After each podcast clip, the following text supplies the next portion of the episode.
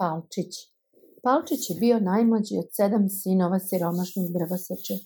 Vreme u kojem se ova priča odvija bilo je tužno vreme. Nije bilo mnogo hrane, a ako je i bilo, mnogo bi koštalo. Jadni drvosečar nije imao para. Roditelji su jednog dana odlučili da ostave decu u šumi, jer nije bilo hrane. Umirali su od gladi kod kuće.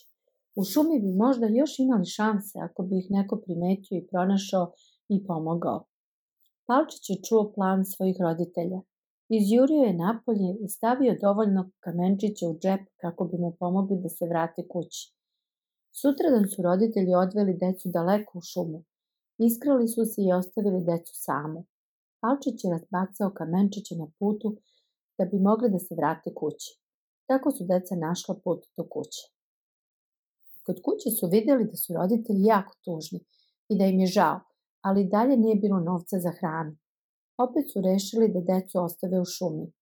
Palčić ih je opet čuo, ali kada je ponovo hteo da sakuplja kamenčiće, vrata su bila saključena. Ujutru su deca dobila parče hleba. Palčić je bio gladan, ali nije jeo koru hleba. Mrvice hleba će im obezbediti siguran put nazad, da bar ptice nisu pojele te mrvice. Deca su očajno lutala šumom dok nisu došla do jedne kuće. Neka žena je otvorila vrata. Molim vas, dajte nam nešto da pojedemo i prenoćino, rekla su deca najslađim glasom. Napolju je mrkli mrak, a mi smo tako gladni. Žena je bila zadivljena slatkim licima dečaka. Uđite, rekla je i pustila decu unutra. Dobit ćete nešto za jelo, a možete i da prespavate ovde. Ali morate se dobro sakriti, moj muž je džin. Ako je gladan, jede decu. O Bože, to je zvučalo strašno opasno ali bili su gladni i umorni. Rizikovali su i sakrili se pod sofu.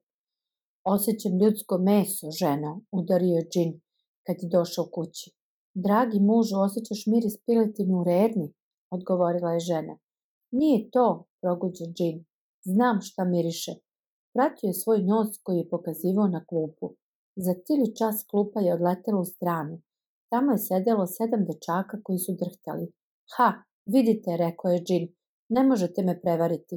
Sutra ću ih pojesti za doručak. Dečaci su spavali u spavaćoj sobi gde je spavalo i sedam džinovskih čerki.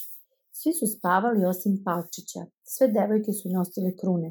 Nakon što je Palčić zamenio krune sa kapama za spavanje svoje braće, pokušao je da zaspi. Vrata dečije spavaće sobe su se otvorila.